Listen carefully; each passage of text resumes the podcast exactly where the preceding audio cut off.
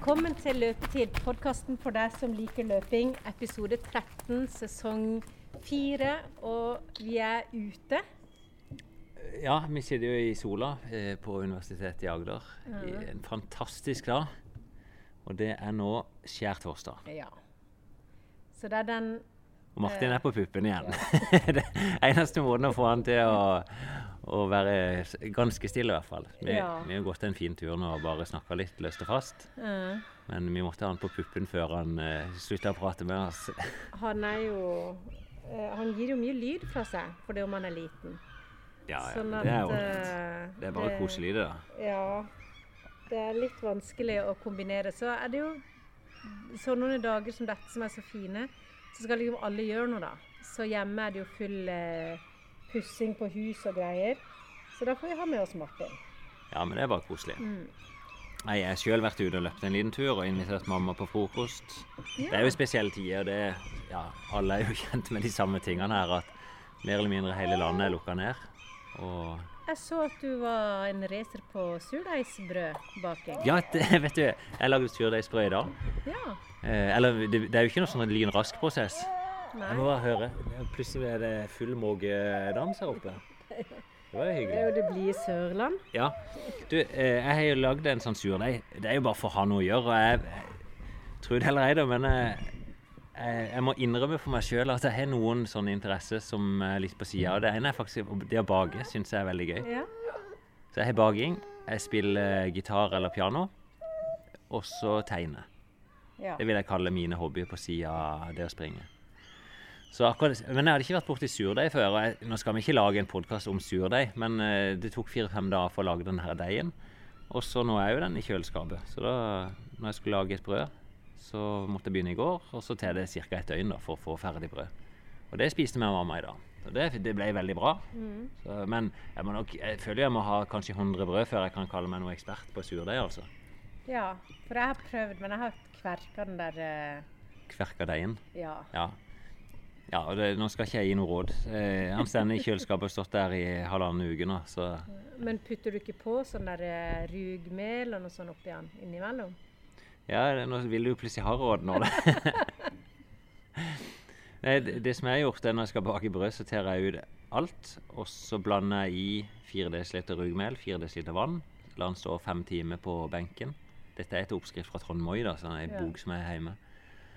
Og så tar jeg da eh, Da begynner det å putre i den deigen igjen. Da er det eh, bakteriene i sving. Og så tar jeg halvparten tilbake igjen.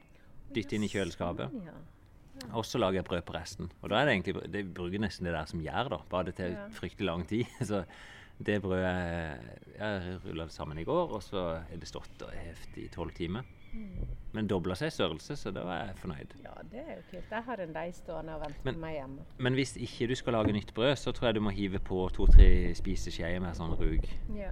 Eh, Minimum hver 14. dag. For jeg tror det bare det tåler 14 dager. Så jeg tror det kan mugle òg, og det kan eh, dø, liksom bare. ja, min eh, Jeg glemte det hele tida. Sånn at uh, til slutt så hadde jeg et eller annet veldig kvalmt i et sånt Ja. syltetøyglass i kjøleskapet. Nei, og det må puste. Så jeg, jeg tok en sånn nisteboks som jeg hadde oppi, som er båret fire hull i. Ja. Ja, jeg hadde Så- glass med sånn plast oppå, med hull i. Men en sånn fun fact er jo når jeg var Hvor gammel kan jeg ha vært? 12-13 år. Da drev jeg og en kamerat og solgte kringle til venninnene til mamma og flere på Vennesla. Ja. Så vi kjøpte 25 kil kilo med makronmasse fra bakeren. Og så drev vi og, og lagde og produserte i store kvanta, da. Oi. Så, men jeg tar ikke bestilling lenger nå. Det gjør jeg ikke. jeg men jeg, jeg ga nå vekk resten av det brødet til mamma, da, som visstnok skulle kutte det opp i, brød, i skive og så putte det på frysen. Ja. Det tenker jeg det er sånn når en er passert 60, da begynner å, å rasjonere på det viset. Så får heller jeg starte på et nytt brød til i morgen igjen. Ja, ja, ja. ja, Så det er greit. Nei, men det, det var hyggelig. Sånn at uh, ja, hjemme så lages det jo også veldig mye mat for tida, og det bakes mye. For det, man skal liksom ha noe å finne på, da. Ja, men det, er ikke det greit, da? Jeg, Så jo. jeg er jo livredd. Jeg har sagt til, til, sa vel til Joakim her at jeg er redd at jeg legger på meg 200 gram i døgnet nå. Ja. Jeg tror det er Jeg har ikke vært på vekta heller. Så. Men da gjelder det å prioritere knallhardt. Så i går ehm, jeg har hatt jentene i uka, så da er det jo gøy å lage mat. Men når jeg er helt alene, så er det ikke alltid så gøy. Så da hadde jeg kjøpt inn masse smågodt. Så det sto valget mellom smågodt eller middag. Så da valgte jeg smågodt og vin. og så hadde jeg klunka på gitaren mens jeg så på, ja, så på noe på TV-en. da. Smågodt og vin. Ja, da slipper jeg i hvert fall å ta både middagen og, og godteriet på toppen. Men jeg kan ikke leve sånn over tid. Det, jeg prøver å være flink jeg, og så kjøper inn litt vanlig, vanlig mat òg. Jeg Jeg prøver også å forestille meg smakskombinasjonen med sånn sure føtter og rødvin. Det er merkelig mye som passer til rødvin, altså. Det du, vi får inn på løping, for det er tross alt løpetid det handler om. Ja. Og det blir jo løpt veldig mye, det ser jeg. Eh, Vi har jo eh, Løpeklubben vår vi er jo samla på Strava, så alle driver og loggfører der. Og du må nok opp i hvert fall 12-13 mil i uka nå for å komme inn på topp 10-lista over løpte kilometer. Så, Jeg har jo prøvd meg litt på Strava nå, på noen turer. ja, jeg har sett det. Og de det er jo noen av de som ser veldig rare ut. Det ser ut som jeg løper i fylla. Åssen da tenker du på? Det er liksom den der streken er helt sånn der eh, Ja, veldig Men det er kanskje fordi jeg løper med vogn. Ja, jeg vet ikke, altså. Eller så har jeg bare veldig teite løpesteg. At du, ja, det er som man vingler på stien, Ja. sånn? Oh, ja, det er ikke, Veldig. da zoomer du godt inn, tenker jeg. Så, nei, du, det er såpass ille at jeg skulle løpe rundt stadion ti ganger. Ja. Og det ser jo ut som jeg har liksom gått fra liksom bane én til åtte. Liksom. Men, men jeg ser, det er veldig i vinden om dagen og for oss løpere. Vi har vel brukt Strava vært ganske vanlig de siste tre-fire-fem årene. Mm. Men nå er det virkelig tatt av blant vanlige mosjonister òg. ja. Så jeg ser jo det skrives stadig artikler om det nå. Og vi skal høre etterpå at Tommy hadde en løpetur der vi snakker litt om teknologi. ja. Eh, jeg så en sak på jeg tror det var på VG eller NRK om de ti mest populære rutene i Oslo. Og det er jo når du kan begynne å hente ut data fra Strava. ja. At de ser hvor er det folk faktisk springer, og så kan du bare Ja, for det er såpass mange som bruker det. Ja, det blir sånne heatmap-skall i det. Du ser hvor er det flest folk har løpt. Og så er det jo segmentet som du kan legge opp, da. Ja. Men eh, jeg tenkte, vi, vi lagde et, eller jeg lagde et innslag her på lørdag. Da var vi nede eh, en gjeng på stadion og sprang. Eh, vi møtte han i fjor òg, en som heter Kristoffer Ask. Som Mm. eh, han skulle, eh, skulle prøve å komme under 35 minutter på banen. Og nå hadde Kristian Kjørnholm, da, som er en veldig god løper, han hadde tatt initiativ og, og sagt han kunne hjelpe han til å sette pers igjen. da. Så nå skulle han prøve seg på 33,30. Ja. Så da etter å ha løpt en tur sjøl, så tok jeg med mikken ned da, og så bare fanga stemninga litt. Jeg, jeg tror jo folk syns det er litt artig. Ja. Uh, jeg skal ta et lite dilemma som dukker opp nå i disse koronatidene. For sånne private initiativ er jo veldig bra. Eh, og der Kristian da eh, stiller opp for en kompis. Og da melder det seg jo ganske fort andre som er interessert. Og så plutselig var det jo nesten 20 stykk som hadde meldt sin interesse. Ja. Og da får jo han et dilemma når det maks skal være fem stykk på, til stede på, lik, eller på en plass. ja da, Så så, blir man plutselig litt ansvarlig. Ja, så måtte han begynne å organisere to, to starter. og begynte. Ja. Var ikke sånn kjempehappy da, for å måtte eh, være organisator for et sånn type arrangement. Og det, og det samme opplevde jo Jørund, som har organisert en fellesøkt på lørdagen. Mm. Der har det jo vært oppi 30 stykk. Eh, men nå er vi jo, selv om ikke det har vært organisert i form av løpeklubben, så føler jo han nå et ansvar. Når det plutselig på lørdag dukker opp 18 stykk, er det han liksom som har ansvar for at eh, ikke de møtes? Ja. eh, som var den som starta det. Så eh, da var jeg nesten litt i tvil om han skulle ned der i det hele tatt på lørdag eller ikke. Så får beklage at vi snakker om det, Jørund. Nei, men det er, jo, det er jo komplisert. Jeg ser jo også at uh, disse her uh, ungdommene sliter med det. ikke sant? For de har fått beskjed om å ha to sånne venner, og så skal du da holde den ene utafor, ikke sant? Eller skal du Ja. eh, er de er sammen fem stykker, og så er det én som ikke har noe sammen med. Skal du si til den at den ikke kan bli med, eller er det greit med seks? Hvor mye kan du liksom eh, Kan dere være syv sammen? Mm. Så det, er- det er komplisert. Men skal vi ikke gå inn og høre på det? Vi må inn lørdag morgen for, for fem dager siden. God morgen. Jeg merker treneren eh, våkner i meg nå, da. Jeg ser jeg da altså Kristian passerer i fin flyd. Vet ikke akkurat hva han skal gjøre av økta ellers, om, om det er økta hans i dag. Det var snakk om han skal dra i pulje nummer to òg etterpå. Og så er Kristoffer to mann som eh, hjelper han. nå.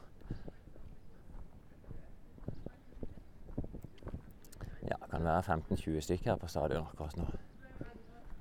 Litt forskjellig aktivitet de driver på med. Oi!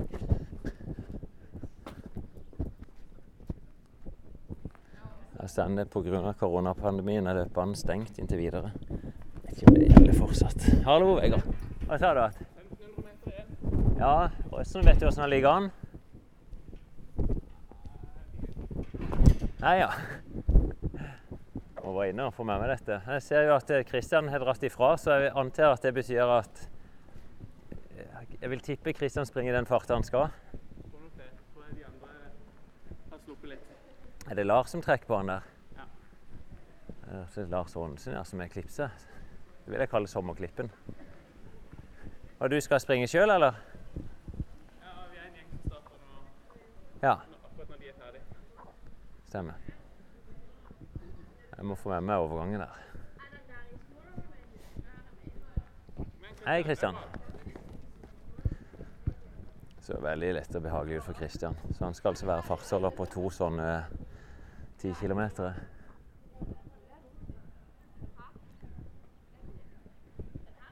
Det er bra, gutta. Det er bra, Kristoffer. Det er bra, nydelig. Det er bare å følge Lars der. Ja, han sleit hardt nå. Vi sa nettopp det var 1500 meter igjen, så nå er det tre runder igjen for han. Og det er jo veldig tøft akkurat på den, eh, det stadiet på en 10 km. Løpte 8800 meter. Det er bra. Det er folk valgt på banen her. Det er litt artig. Se her, vet du. Se, Joakim, vi må ta en liten stopp. Re- Direkte inne. Direkte inne fra eh, den uoffisielle, ulovlige Jeg må se på stadionhvila. sveisen din nå, da. Ja. Det er fint, vet du. Joakim har klippet seg akkurat som meg. Du ser det var skjegget også. Ja, ser, Koronaskjegg og ser ut som eh, en gammel tysk pornostjerne fra 70-80-tallet. det ser ikke ut. Men jeg skal være glad at det er podkast og ikke TV, dette her. Du, jeg må fortelle. Jeg er litt spent på Jeg ser jo Kristian han er i ensom majestet, 100 meter foran Kristoffer. han holder 33. Holder du 33 Åssen fart er det? Ja, han springer 33,20 fart. Målet var vel 33,30, var det sagt på forhånd i hvert fall. Ja. Så de fulgte Å ja, de begyn- gikk for 33,20 fart. De fulgte i uh, stiv. 6000, og så slapp han. Og så har Lars tatt over uh, Ja, jobben. han er to fartsholder her nå. Ja. Det var Lars. Det var Kristoffer. To runder igjen. Jeg vet ikke om ikke hørte han der, men han peser godt. Og han har mista farta litt. han ligger an til en 33,50, tipper jeg. Ja, han var 110-20 meter bak Christian nå. Det er vel sånn 25 sekunder. mm, Og så er han jo Han springer litt saktere nå, men det er klart han kan slå om. mm. Men åssen sprang du sjøl, du? Du, du snakka om å springe 3000. Jeg introduserte med at du skulle under ti minutter. Ja. Etter først å ha løpt noen terskeldrag. Ja. Jeg Kjøpte tre terskeldrag først. tre terskel. Jeg, skulle jeg må jo få lov å tippe òg. Det Ah, er litt av det som var Jeg trodde ikke det var det du skulle tippe. Ja, ja. Jeg skulle tippe på fire, og så at det gikk på 3.30 til 3.25. 3.35 til 3.30. Ja, ok, ja, men bra. Da er det holdt igjen. Ja, ja. Eh, ett minutts pause. Ja. Og så gikk du, tok du tre-fire minutter, og så gikk du på en 3000 Ja. på 9.52. Å, steike, det er imponerende. 9.51. Er det sant? Ja, så bra. Men det skal sies Det at det tok de ti sekundene de siste 300 meterne. Så jeg kjørte Ja. de siste 300 på 50. Ja, for da lå du bare sammen med Ja. de, og så Så rykka jeg der henne, og så Jeg så gikk jo altfor Gikk bare følte det var jogg. Så jeg gikk helt sånn sjokkert over hvor greit Ja, det kjentes bra Ja, det var kjempebra. Ja, så godt. Det er nok skoene. Du ser det rosa. Kom igjen, det! Siste slutt, runde. Ja, bra. Jeg bikker under 34 lett. Lars gjør det. Og hva det han sa at han måtte ha? Du må ha 80 runder, ellers så kommer du ikke unna. Ja, det, men det kan nok stemme når du ser Kristian ligger nå 170. Han har tapt 50 meter bare på den runda der. Er Og Nå er han tre fartsholdere rundt seg. Mm. Har han eh, Håkon brøyd etter ah, ja, han er brutt, han, ja. Han brøyd etter 4002, tror jeg. Ja. Så han sa bare at han ikke hadde Han hadde ikke farta. Vi har jo Vi må jo ta i mål, Kristoffer. Vi hadde jo han i mål her i fjor. Da sprang han under 35. Ja. Og ganger før så var det han brøyd på 9000. Ja, Ja, stemmer. Han brøyde. Vi håper ikke Han Han datt i gresset akkurat på 9000-verket der. Der var Kristian i mål. Åssen gikk det, Kristian? Farta skulle være 33,20. Ja, så du holdt litt Vi skulle ha 33-30. Det var 33-30, ja. Det var det jeg trodde sjøl. Ja, Det var, det var et halvt sekund over på runden. Ja. Hvor mye kom du i mål på? 28. ja. Å ja, nå spurte han. Det er jogging. Jeg har stoppa klokka. Han har jo tida selv. Ja.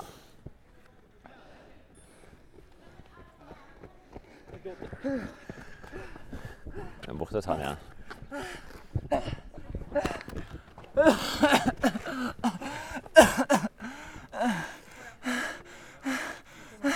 Vi hørte lydene her før. Og Kristoffer. Hørte jeg 33,58? Det er fantastisk bra, da. 57. Ja, nydelig. Grattis. 43. 33,57. Det er veldig, Ja, veldig gøy.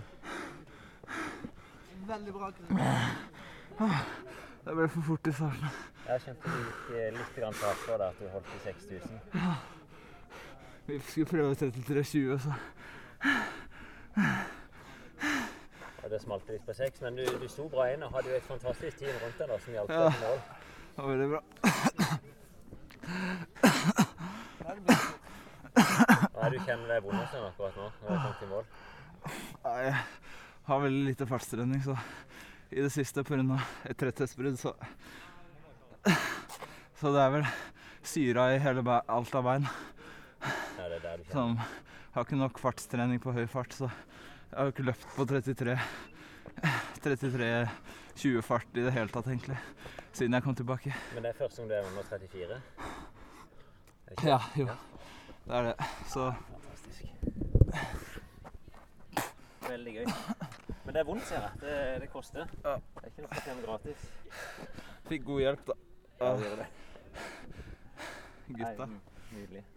Og Kristian skal rett i gang igjen på runde to. Og er det som, hvem som skal i gang nå, da? Kristian Bøhn som er prosjektleder. Oi, er det Bøhn? Vi må høre, da. Ja, du springer hjem? Ja. Hva er det ikke skal gjøre for noe, Kristian? Vegard og meg skal prøve å hjelpe Gabby.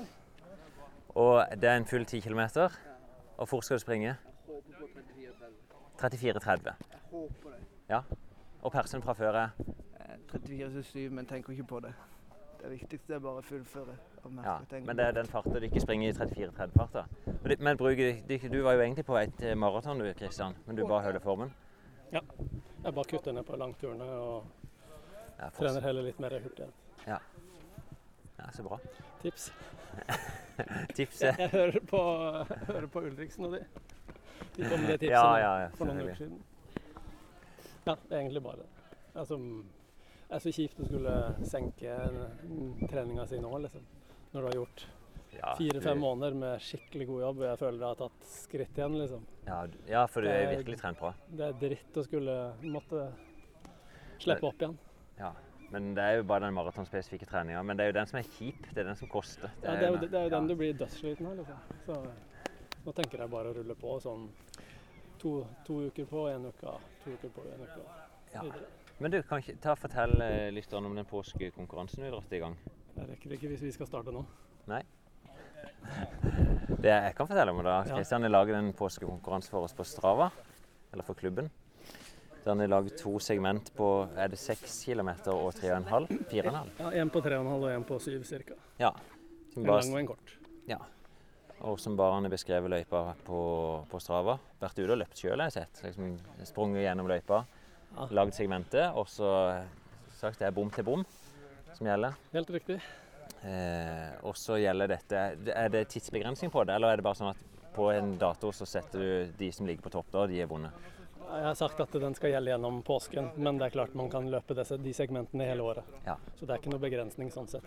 Er det, Det er jo bare for at vi skulle ha noe gøy, og noe som man kan på en måte forberede seg litt til, da. Sånn som man pleier å gjøre til konkurranser. er det du som leder begge segmentene per i dag? Nei. Nei, det er ikke Nei, det. Så det, er ikke, det, er, ikke- det er ikke din favorittsegment? Eva? Leder du noen av de? Nei. Nei. Men det er da han som er ved siden av her, Kristian Kjørom, leder det ene. Å ja, har du vært ute og løpt i, Ja, Kristian? i går eh, Nei, torsdag morgen. Og var det den lengste eller Den, den korteste? korteste. Ja. Så jeg løp bare Det er bare moderat, sånn at det er åpent for forbedring hvis noen har lyst. Men eh, Du, la, du kan liksom ligge og snuse litt for det er litt slingring. altså. Skal du være med sjøl nå? Nei, så var det bare 400 meter. Ja, så du er ferdig med jobben for i dag? Ja, jeg syns det var ett sekund raskere enn planen. så. Du var fra kameraten din.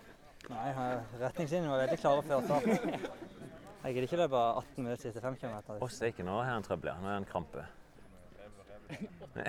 ja, det var jo bra, dette. Du ikke gjorde en jobb der på slutten, Lars. Ja, jeg måtte ta ansvar for kameraten hans. Det røyner på. Ja, Kristian Basak. Lykke til nå, Gabi. Kjører. Eh, 34,30. Ja. Ja, det var Erik Bergersen òg med, og med flere. Jeg vet ikke om Erik skal prøve helt til mål. Vet du det, Malin? Hva sa du? Skal Erik springe helt til mål? Nei, han hadde ikke bestemt seg ennå. Skulle bare holde, prøve å holde følge så lenge han klarte. Ja. Det er så bra. Ja, Og god? Sprang du fra start til mål? det er litt kål på ovnen siste kilometer. eller 11 da. Og sprang du én kilometer ekstra? Ja. ja. 305. Et, ja, gjorde det fortsatte du bare du når du kom i mål? Ja. Bare Jeg henter rullestolen. ja, her tror jeg vi må hente rullestol. Det ser ut som han sitter og driter akkurat nå. Fytti, er det så ille? Er det krampe? Ja. Ofte bare prøv å gå litt, så Jeg bare prøver å lirke det litt. Ja. Er ikke det de skoene? Da får jeg vondt i leggene av det. Sånn. Ja, det går i, i Nike, ser jeg, på de fleste her. Det funker det. Mange som var Christian? Og fart? Ja, det gir det ikke. Ikke nå. Ja. Mens legen er god, tror jeg. Det er fin økt, det er en tøff belastning. Ja, for meg som ikke har så mye Ja, Vi hører rundetida her, da. 83. Jeg klarer ikke på direkten å regne akkurat hva det skal bli i snitt her, men Ikke cirka rett over 34. ja. 80 er jo 33,20, så blir det jo 25 sekunder per sekund du går opp. To sekunder blir 34 Ja. Ja, De ligger rett, rett i det området. da. Eh, nei, jeg, nei jeg, jeg har fått løpt nå. Jeg er i gang. Så jeg har bare vært litt rusken nå et par Driver og plager folk på Strava. ja. Bare bare fått litt vin, da, så kan jeg inn og plage litt. Det er gøy. Nei, når Joakim begynner å kalle det for finnlegg, det finner jeg meg ikke i. Så jeg skal ikke ha en skade oppkalt etter meg. Visste du jeg trykka på riktig knapp? ja. Men hvordan, eh, det var overraskende at du tåler en 10 km hvis du hadde dårlig legge. Nei, jeg har ikke Ja, nå, men nå har det sluppet. Jeg lurer faktisk på om den leggen bare ble verre av å gå på ski på diagonal. For når jeg slutta å gå på ski nå, så bare løp, så har det sluppet. Det er jo det som du òg har hatt. Ja. Som bare sitter inn bare i går og ikke kan få vekk. Ja, du, ja du sprang vel eh, Holmenkollservetten et år med en sånn? Ja, det Da var- ble jeg jo helt krise. Da kunne jeg ikke løpe på noen uker. Ja. Men nå er det bare, egentlig bare å gå og dekke seg sjøl. Ja, det er fantastisk. Ja da, det var disiplinert her. Nei, jeg måtte bare ned og se og få dokumentert litt. Ja, bra det. Takk. Så god. Aver gått uten. Det var bra, det. Det røyna på, men det gikk akkurat. Ja, det, det måtte en spurt til der. Han klippa håret i går. Morten, hva du sa, han måtte 180 på slutten for å klare det. Ja. fart Holde farta. Det hadde ikke gått uten. Nei, men det var bra, det. Det var bra økt. Det ble litt, ble litt fort i starten, tror jeg. Jeg tusler videre. Vi høres. Ha det. Det er bra, Kristian. Det ser jo fantastisk lett ut nå. Jeg har aldri vært i nærheten av de greiene. Nei, det er lett. Ja, veldig. Så kan løp fort på en 10 km nå. Hvis jeg hadde vært med konkurranse. Har vi ikke tatt en prat på podkasten òg ennå? Det. Snakka litt om hva du har gjort. Det kan vi godt. Det er egentlig et interessant grep. Kanskje ikke når jeg er Sånn som det. sånn som det er. Hvor god- hvor god du bare vil, men 66 på 400, det bøser litt uansett. Ja, det gjør det. Det er bra. Men det ser veldig bra ut. Det ser avslappa ut. Og Kristian han er jo han trent veldig bra nå i år. Fått seg 15-16-17 mil i uka. Det er bra. Ser veldig lett ut. Lykke til nå. Jeg fått trent bra mengde en lang periode. og Jeg har vært veldig glad i å springe en del sånn halvharde turer. Han er veldig god der. Og det er bare gitt kjemperesultat for han å få den kontinuiteten. Vi får ta en ordentlig prat med han. Men nå flyter han rundt her på 66-67 sekunder på, på runder. Det er imponerende.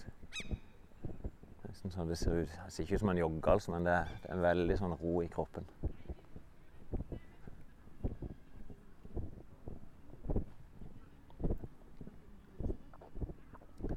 Det er målet om å komme under 30 minutter på en tier.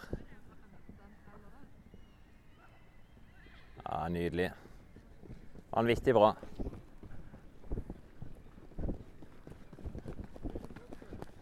Jeg hører ikke stegene av noen litt yngre folk der som springer typisk sånn mellomdistanseløpere. Springer fort, korte drag, 150-200 meter i høy fart. Det er veldig godt å se litt aktivitet.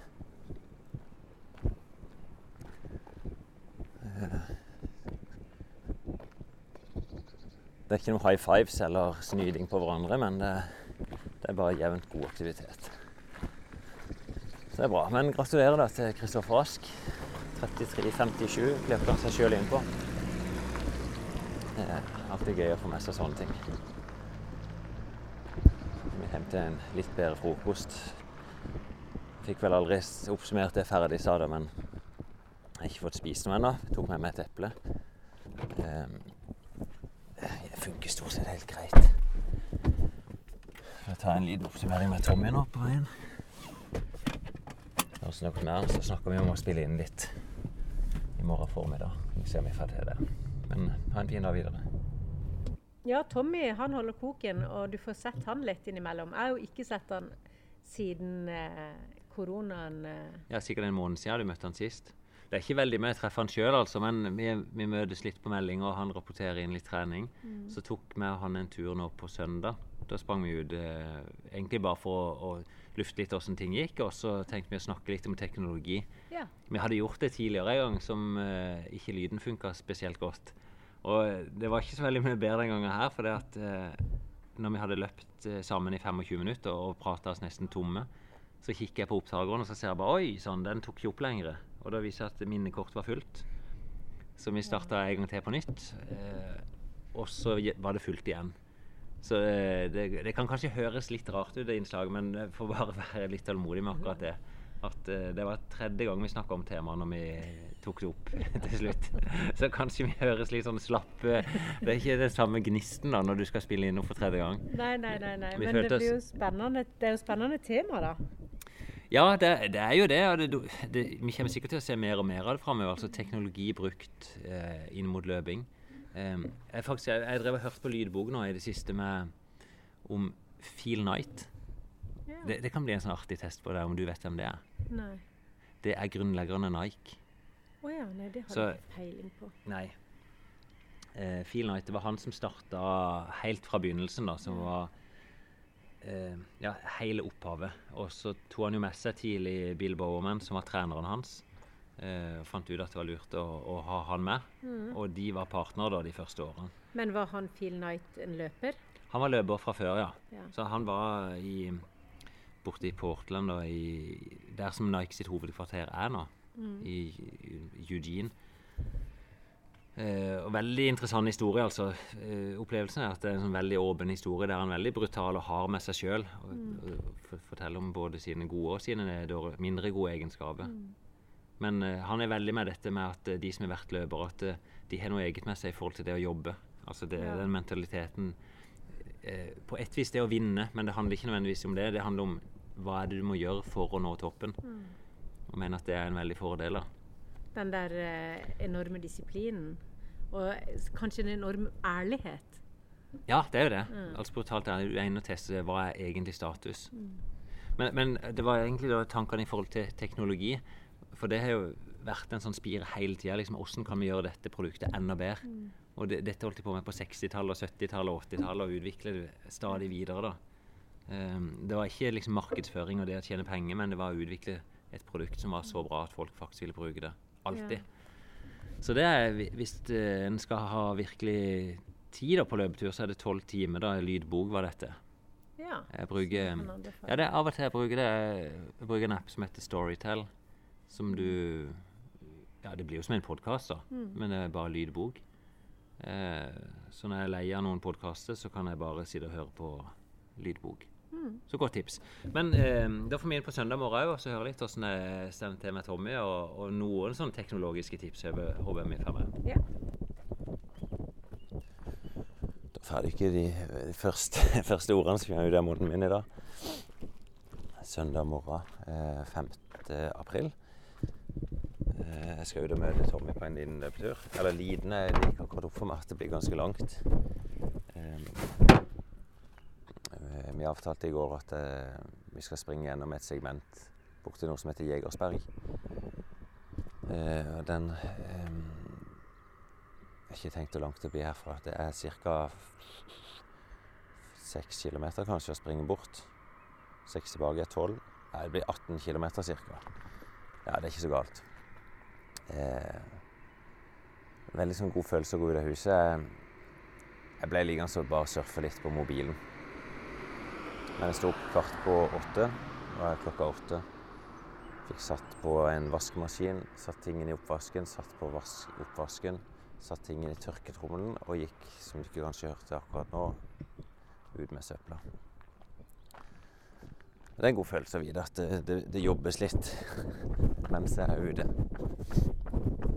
Så jeg kledde meg i en ullsuper og tights for at det skal bråke minst mulig. Jeg må jo bare beklage at jeg vet at lyden blir litt dårlig når vi er på løpetur. Det er ikke så, jeg vet ikke akkurat. Det, finnes helt garantert noen mikrofoner som kan brukes som er bedre enn å bare springe og holde den der Zoom-opptakeren i hånda. Hvis noen har noen tips, må de gjerne komme med det. Men får litt tilbakemeldinger på at folk syns det er hyggelig å være med på disse turene.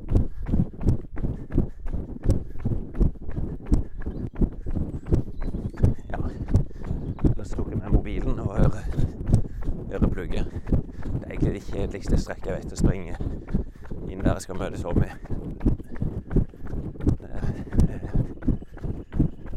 Noe som heter Varebrua følger langs E18. Ofte med trafikkstøy. Nå var det ikke det her, da. I hvert fall så kan jeg ha noe å høre på. Tenkte å høre et eller annet podkast. Men da er det ikke i hvert fall meg, så vi håper, håper det blir en fin tur med meg og Tommy. Ja, da har jeg sprunget i et par og 20 minutter, nesten fem kilometer. Ser jeg Tommy kommer luskende mot meg. Jeg fikk bare et snap fra et kart der han bor. Jeg har vært hjemme hos han. Så stopper han opp og smiler. Ser på klokka. Så bra, Tommy. Da er vi rett på. Rett på, ja. Kan jeg be deg om å ta disse i lomma di?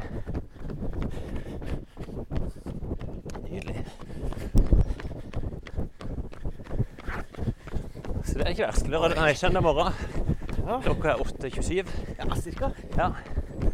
Jeg vet ikke hvor langt vi skal egentlig, men 10-12 km vil jeg kanskje tippe. Ja, noe sånt. Tror du det? Mye lenger enn jeg måtte Jeg trodde først det var sånn 15-16, og så begynte jeg å tenke på morgenen 18. Men det blir nok enda lenger enn det. Ja, for din del? Ja. ja. Takk for venstre inn her. Ja, bare opp. På Eksoras. Er det du bor hen? Jeg bor i krysset Otra. Ja. Jeg er faktisk nå inne i en gammel intervalløype. Løype som ja. kalt i kokløypa. Jeg sitter og ser på den fra stuevinduet. Ja.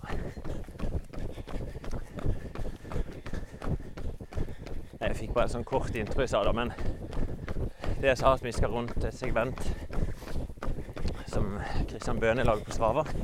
Sånn påskekonkurranse. La opp to segment. Et på litt over seks og et på litt over tre. Ja. Så det er bare for å ha et mål med turen. Vi er jo så enkle da, at vi velger sånne ting. Ja. Jeg så på det korte segmentet. Der er det jo eh, Der har jeg løpt før. Ja. I 2013 løp jeg sist gang. Ja. Jeg tenkte å prøve en dag å se hva forskjellen fra 2013 til i dag er. ja, men i dag springer vi bare rolig. Ja, ja, men sånn ikke i dag. En dag. En dag, ja. Ja, Vi hørte jo litt fra Kristian i går på stadion. Jeg hadde egentlig tenkt på morgenen å si at du måtte ta på deg tøy som ikke knitrer. Men lurer på om du har på deg piggsko. Nei, det er terrengsko? Er det med, med metall i? Niks. Nei, det kjenner er bare gi lyd. Ja. Må du styre farta òg, Tommy? Ja. En innbytterpuls på starten. Ja. vi, vi sprang rett opp en bakke.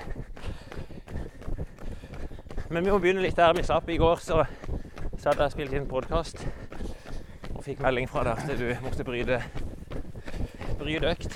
Ja. Og da skal jeg Før du forklarer det, så skal jeg si meg og Jørund var ute og sprang. Det er det første løpeturen med noen folk på 18 dager. Ja.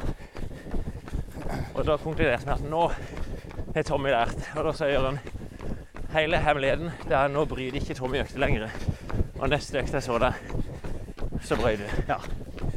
Da må du ta oss gjennom den økta. ja. Jeg dukka opp der på morgenen på Strømme. Der hadde hadde de vanlige intervallene. Og så eh, var planen enkel. Gjøre det samme som forrige uke. Og forrige uke var ti ganger 1000. Ja. Litt under terskel. Ja. Og så eh, Ja. Hadde jeg oppvarming. Den var grei. Ei runde rundt cirka. Um, og så uh, Ja, Ca. en kilometer oppvarming. Ja. Og så gikk jeg i gang med første draget. Og da gikk det 500 meter. Så uh, begynte jeg å kjenne smerte under beina. Ikke smerte som mye at man har knekt noe, men mer sånn eh, Herregud, vi er lei at du dunka oss i asfalt. Eh, så dere fikk vel bare med at vi møtte Tommy og sprang opp på en bakke, og så kutta det. Men eh, vi har Tommy spilt inn i, i god tro to ganger her nå. Ja.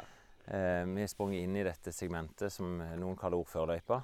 Eh, det er Kristian Bøhner som har laget et segment for løpeklubben for å ha en sånn påskekonkurranse. Og nå er vi vel to og en halv kilometer, to kilometer inn i løypa. Ja. I et veldig flott område I den lange løypa. i den lange løypa. Ja. Eh, så vi kan jo egentlig bare begynne forsiktig her igjen, Tommy, nå som eh, vi er i gang. Vi snakker om teknologi, og vi snakker om hva som har vært her før. Ja. Så, men vi kan jo repetere noe, sånn at tross alt de vi spiller inn for, får det med seg de òg.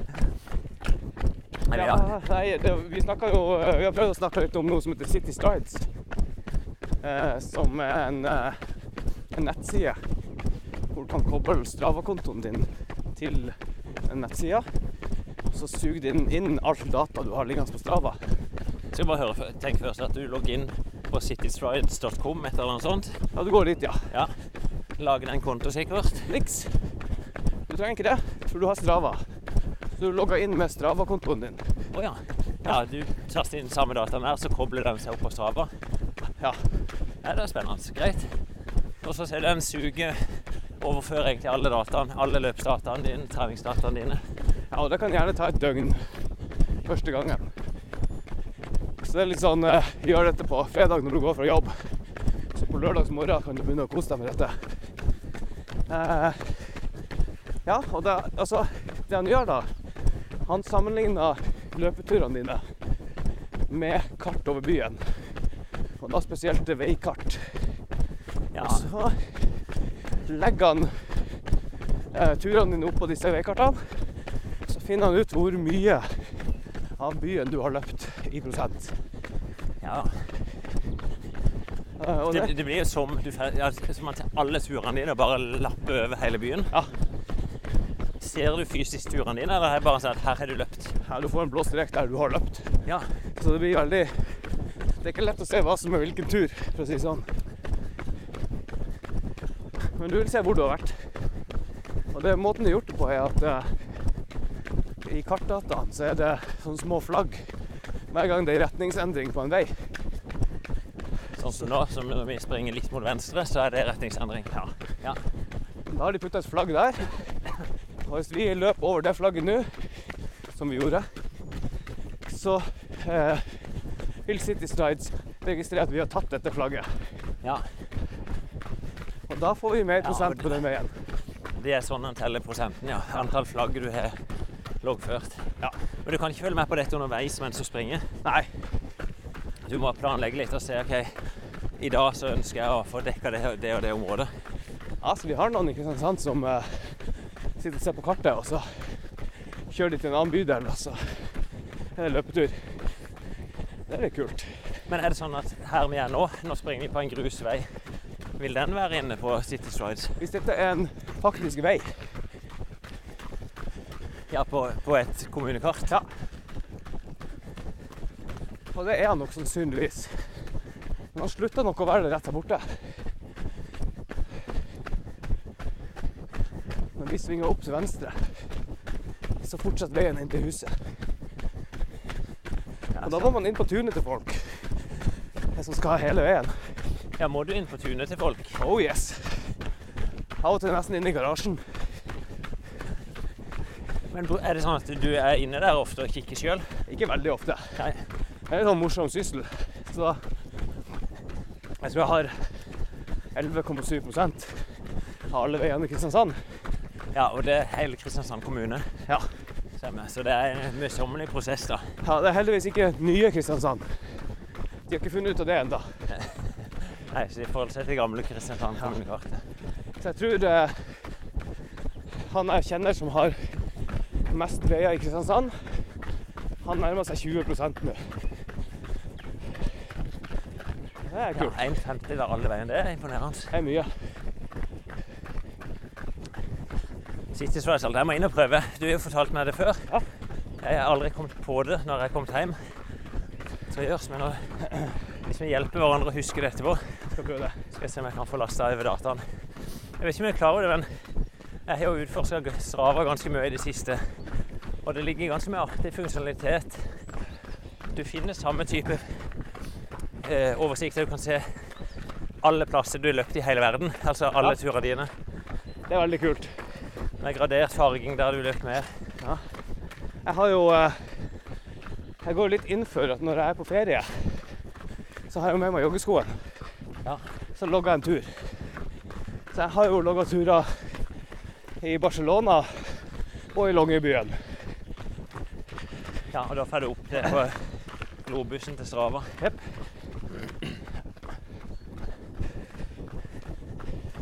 Du har jo denne flyby-modusen. Den bruker jeg mye.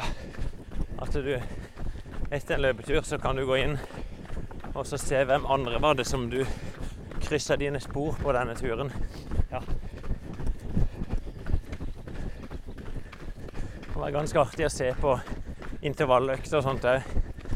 Når du starter den klokka seks f.eks., hvis det var da fellesøkta starta, så ser du Ja. hvordan folk flokker seg mot stedet du skal springe på.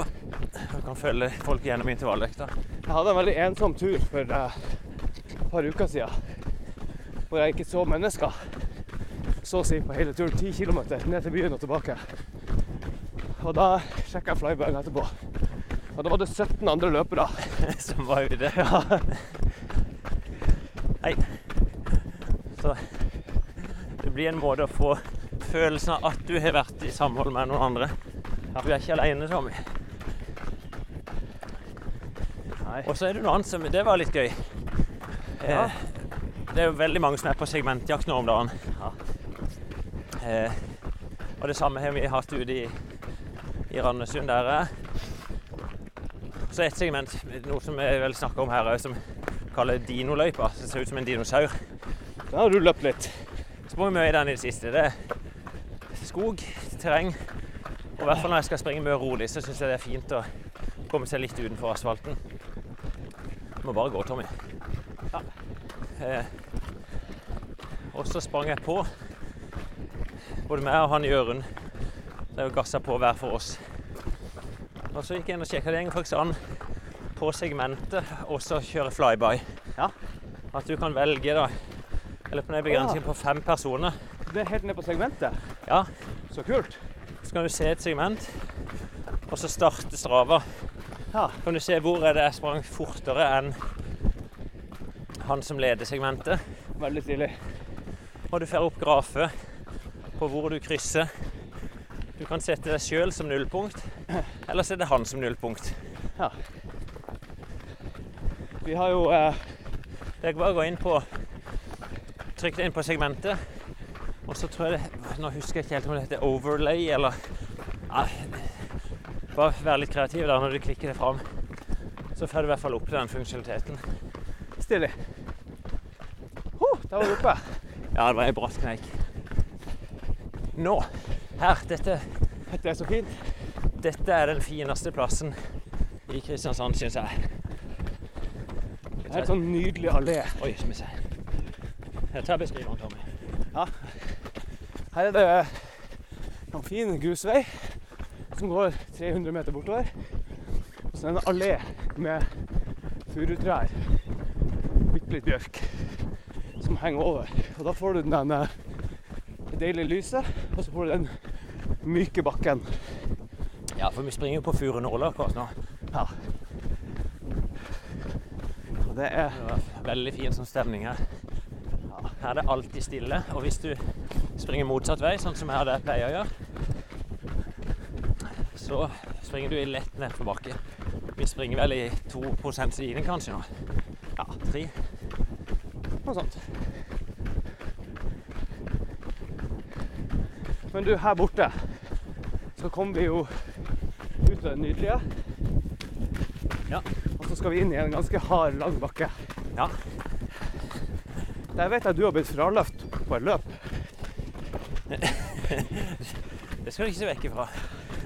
Jeg vet ikke hvilke løp du tenker på. Det, Nei, det kan være skau-skau. jeg tror det var Skauskau eller noe sånt. Så holdt du følge med han som vant. Husker ikke jeg hva han heter. Uh, og så, når du kom ca. hit, så satte han inn gassen opp bakken og dro ifra deg. Jeg husker jeg du, du fortalte om enten du sa det til Federlandsvenn, eller om du har fortalt det på trening. Men, eh, Jeg husker ikke sjøl lenger. men det er jo noen som, eh, som er litt gode på å løpe i bakka. Ja. Og som kan bruke de til å gjøre det lille rykket for å få den avstanden. Absolutt. Jeg skal ikke påstå at jeg er vel verken veldig god eller veldig dårlig i bakkene. Det henger jo ofte sammen. Når du er i god form, så er det jo god uansett, nesten. Ja. Men jeg er på ingen måte begeistra for bakkeløp.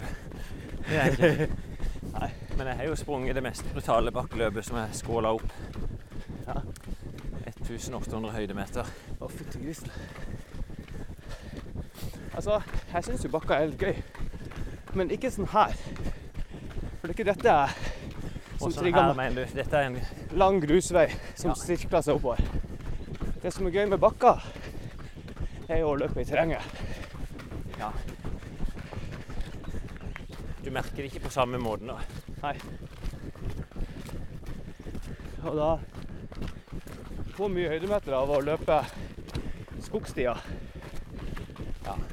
Og så føles det ikke så kjedelig som en sånn her Lang, bratt bakke her som bare snirkler seg opp. Jeg må jo helt ned på fart her for å kunne snakke. Nei, Det er nok Skausgøyløpet vi snakker om når du Ja. forteller om at jeg kan ha blitt fraløpt her. Da en først løpt kan være 6-7 km gjennom terrenget i ganske bra kupert terreng, og så kommer det en bakke på kanskje 300-400 meter. Når du kom til toppen her, Tommy, så gikk han videre over toppen der. Ja, han tok stien opp, ja. Ja.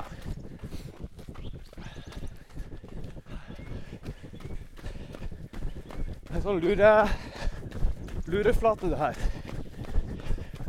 Kom på ei flate, Vi er bare halvveis i 40, 40 meter, og så svinger han seg bare videre opp. Den stien her, Det var her vi kom på det løpet. Ja, fortell den om fin. Den går rett inn i naturreservatet her, Skråstadheia. Der er det mye fin løping. Det er faktisk Den løypa vi springer her nå, er nok Her har jeg sprunget mest i mitt liv. Jeg bodde jo nede på Lund. Ja. Og den vanligste treningsrunden vi var borte i Gimlehallen. Også motsatt vei, egentlig sånn som du har sagt i løp. Ja. Enten grusveien oppover gjennom Jegersberg eller småstiene, og så ned her. Bare på min tid så kom vi til den stien her. KRS Ultrastien. Lomkjønn og Holmenkollen. Eh, de laget Og etter Forsvaret begynte å rydde opp, Ja. så de laget noe mer sånn ordentlig bilvei her oppe.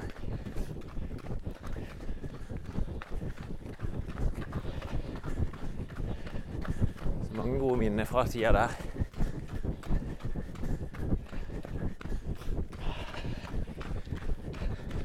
Vi er snart på toppen. Du puster er ganske tungt. Og da, Vi snakka i stad om eh, at du springer rundt med noen eh, ørepropper og en app. Ja, du er med på Zombie Run.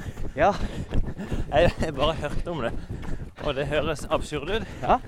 Eh, Jeg kan ikke helt se for meg at jeg kommer til å bruke Zombie Run i treninga. Ikke heller. Det er jo Jeg er jo livredd for uh, barne-TV-serien 'Redda Joppe'. Så det blir ikke noe på meg. Men sånn som jeg har hørt det, så er det litt sånn uh, fartslek-appen. Og da er du ute og jogger rolig. La oss si at du springer seks minutter på kilometeren. Så får du beskjed på øret. Det er fire zombier som jager deg. Du må øke farta til 5.30 og holde den i ett minutt for å unnslippe dem. Ja, for da bruker den GPS-en på mobilen din. Og så gjør du sånn. Og når du klarer å unnslippe dem, mens du hører at de puster deg i nakken, og glefser står i, så får du poeng når du er ferdig. Kan du roe ned litt igjen. Etter hvert så får du høyere level. Det er litt kult. Jeg vet ikke det, eh, Jeg tror du blir ganske lei av disse zombiene etter hvert. Ja. Eh, Kjenner du noen som har brukt det? Prøvd det? Og Jeg gjør det. Ja. Eh, er det en app de fortsetter å bruke? Eller er det mer sånn gøy å ha prøvd? Nei, dette er folk som stort sett blir trigga av spill. Ja. Ja, takk, takk. tror høyeste punkt Eh, Jeg tror faktisk vi er høyeste punkt, Tommy. Ja, jeg tror det. En liten knek til lenger borte her, da. Men, ja. Nei, eh, de folkene som jeg vet har brukt den, de er veldig ivrige spillere av Pokémon Go og andre sånne bevegelige mobilspill. Så jeg tror det, det trigger opp mer spilleren enn løperen. Ja. Men Zombie Run, er det det? Det er lenge siden jeg har hørt noe fra og om det. Er det, som, det er en app du laster ned? Ja. Ja. Nei, Jeg tror ikke den har slått veldig godt an. Har ikke vi du- hørt om det. Du som sier at du er redd for ting, kan ikke du prøve det? Ja, OK. Jeg skal gjøre det. Jeg skal, jeg skal møte frykten min. Åh, det er så deilig. Ja, dere kan ikke se det vi ser nå. Jeg skal ta et bilde så de kan få se. Nei, det var en vanvittig fin morgen altså i dag. Vi er oppe på det som heter Kyrkjønn. Det lå jo en skytebane her før. Tenk at noe så fredelig kan ha vært brukt til eh, krigstrening. Ja, faktisk. Så lå de og skjøt over vannet her. Vi drev faktisk og sprang i dette området mens skytebanene var aktive òg. Da heiste de en sånn eh, blåse, er det det de kaller det? Sånn en rød bøye i ei flaggstang. Som signal på at det var skyting her oppe. Ja, følg med, med andre. Ja. Og så her vi kommer springende nå, det var der blinkene sto. Ja. Det er nesten ikke til å kjenne igjen egentlig hele området her. Noe som slo meg i stad jo at vi er jo i et segment på Strava nå. I et konkurransesegment. Ja. Og selv om vi stopper klokka, så stopper ikke Strava på segmentet. Dette er fra start til slutt. Vi får ikke veldig god tid i dag. Du klarer ikke lure Strava på snittet på turen. Blir etter vi har stopper klokka, men på segmentet så logger de akkurat tida du har brukt. Ja, så hvis du hviler på toppen av en bakke med klokka avslått, eller pause, så hjelper det ingenting. Strava hviler aldri.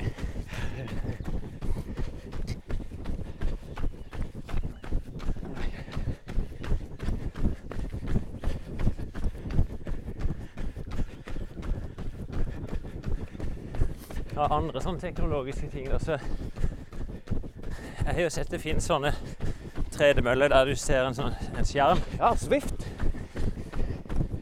Swift heter det. Det er kanskje mest populært på sykkel, for de er, de er vel mer vant til å si det. Jeg har uh, på fått de møllene sine. Jeg lever, jeg lever jo og å levere IT-tjenester. Jeg, jeg fikk en uh, bestilling på en ferdig rigg med en skjerm og en PC og en haug med Bluetooth-sensorer som noen skulle ha til ei sånn mølle. Så jeg har levert utstyr til det. Som til løpinga. Nei, til sykling. Ja, for sykling er nok lettere, for der har du disse wattmålerne som er veldig lette å koble på. Ja, men jeg, jeg trodde det. Det er wattmåler, det er dobbeltpulsbelte, det er cadence-sensor i pedalene. Ja. Så du må ha alt sammen. Ellers får du ikke være med på offisielle ritt. Ja, stemmer. For da har de rittet, da kobler egentlig syklister fra hele verden seg opp. Ja. Må de starte på likt, eller starter de Ja, det er jeg faktisk litt usikker på. I teorien så skal det jo ikke være noe nødvendig det. Nei, men det er jo gøy hvis man, hvis man har en bettingpool eller noe sånt. For det er jo Det er det nok også. Og hvis det er noen kan da påvirke sluttresultatet Hvis det er han som kommer til å vinne, sykler sist, setter han penger på at han kommer på andreplass. Sånn, ja. Det er betting òg på dette. Selvfølgelig. Hele verden er jo betting. E-sport er en eh, ekstremt lukrativ eh, betting-sjanger. Ja, det er selvfølgelig spill der òg. Men tilbake til syklistene, for da, da kobler de seg opp, alle mann. De har wattmåler, så du kan se hvilken effekt syklene gir. Ja. Og det handler jo da, hvis du skal vinne et ritt vil, eh, Når de da sykler, vil det komme input fra PC-en at nå skal du gi tyngre belastning opp en bakke? Jeg vet ikke. Nei. Her var vi rett og slett for dårlig. Ja, men Men det vi kan gjøre, er jo å få testa her ute på mølla. Ja, selv om det vil nok være vanskelig med Du har stigninger som kan være litt forskjellige. Ja. Men der bruker de sånn De bruker cadence-sensor der også.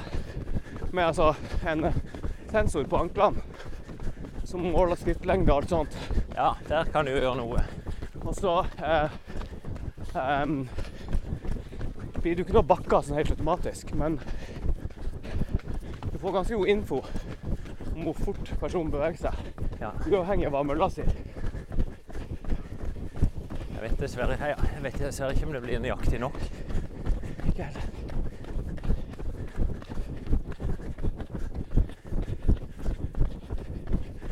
Her står det en lapp. Det er mye sånn her turorientering og sånt òg i området her nå. Ja. Jeg så faktisk Kristiansand kommune var ute nå med ordføreren, og da hadde var det orienteringsklubbene her nede som hadde lagt ut 30 ulike sånne turtips. Ja. Og frigitt en del løypekart for å få spredd folk. Har en orienteringspost rett til venstre her oppe. Driver du med orientering? Nei, men jeg springer forbi de mye. Jeg Jeg springer mye på stiene her. Ja. Så jeg vet hvor en del av de er. Så Og så løp jeg inn i et uh, orienteringsløp her for noen uker siden. Plutselig så var jeg i et felt. Ja, det er jo, de er jo ikke kjent for at det er et felt i orientering. Nei, det var tre-fire som kom i et tog i høy fart gjennom noen stier. Ja. De, de passerte meg. Da følte jeg meg litt som en sykkel på E18 når bussen går forbi. De gutta kan springe fort, i, og jentene, i terrenget.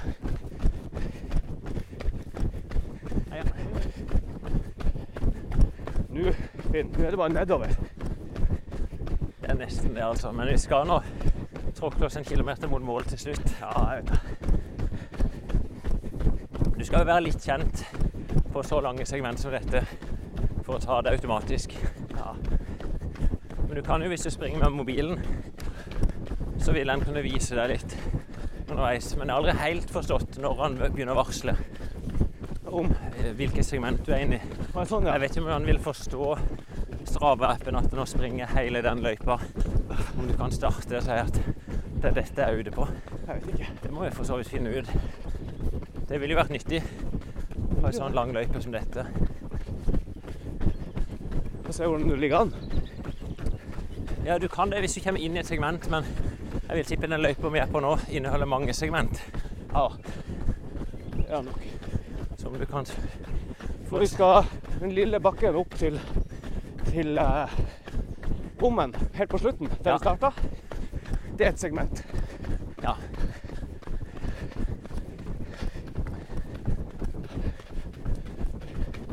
Jeg ser at det er jo en bakke, springende bakke i et valli rett utenfor døra hos meg.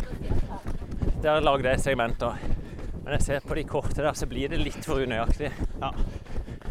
For der har jeg jo løpt bakkeintervall med og tatt eh, lapp sjøl. Ja. Og så plutselig kan du ha noen slengere der. På 25 sekunder så er du løpt. Så Strava kutta tre sekunder. Ja. Uten at jeg kan se hvorfor. Jeg et segment burde være kilometeren før det før det begynne særlig nøyaktig. Det er jo 20 meter slekk på GPS. Ja, er det sånn? Jeg trodde det var ned på fem. Kom an på hvor stor antenne du har. Ja. Men det kan fort være 20. Hallo. Hei sann.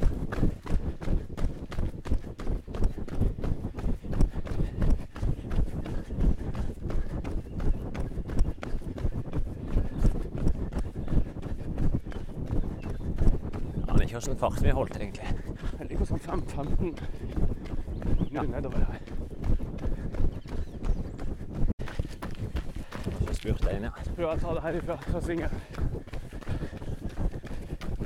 Da er vi nesten rundt. Kan vi ha 200-300 meter igjen? Ja.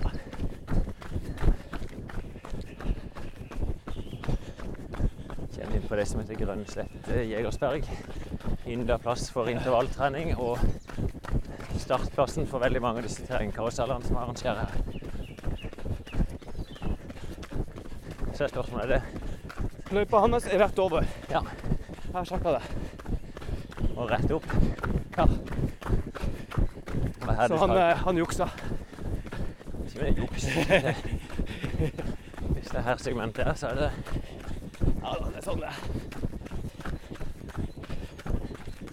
Og så er det opp 100 meter en bakke. Ja. Så vi skal få høre Tommy pust på toppen av den. Ja. Ikke noe gåing.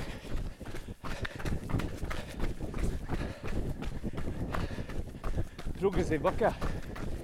Straks 14 km sjøl. Jeg holder igjen, Tommy.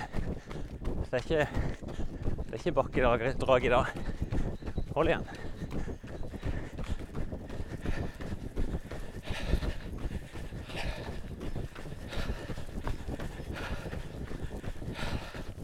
Dette stopper Tommy fra å gå ut i vill galopp.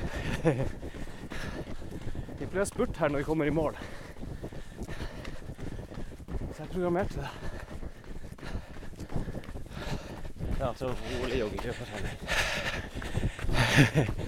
I en veldig bratt bakke. Det var Vi brukte 43 minutter på det segmentet. 6,5 km. Da stoppa jeg klokka når vi stoppa. Vi får sikkert ei dårligere tid når vi legger den inn på Strava. Da. Ja, ja. Vi har jo leka med teknikk. Se sola. Det er like før hun skinner gjennom. Klokka er halv ti. Dette er en sånn normal dag. Det kommer nok til å koke her oppe i dag, selv i de tidene vi er nå. Ja, Det har ikke noe å si om det er korona eller ikke. Den parkeringsplassen her er full om en time. Det er syv biler her nå. De første, vi møtte jo de første folka ute i løypa nå. I dag blir det fint. Jeg tror jeg skal hit her sjøl med ungene. Jeg klarte til og med å få min jente på tur i går, så det er ikke så galt at det ikke er godt for noe. Skal vi ta og jogge rolig over toppen og ned samme vei som vi kom fra i stad? Ja. Ikke det greit? Eller kan vi jogge opp på toppen og ta forbi Trekjønn og så ned bakken? Ja. Det er også fint. Det blir en god tur for min del. her. Du får gode 20. Ja.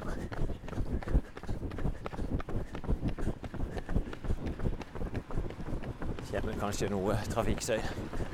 Nå begynner de første bilene å rulle inn her, ja.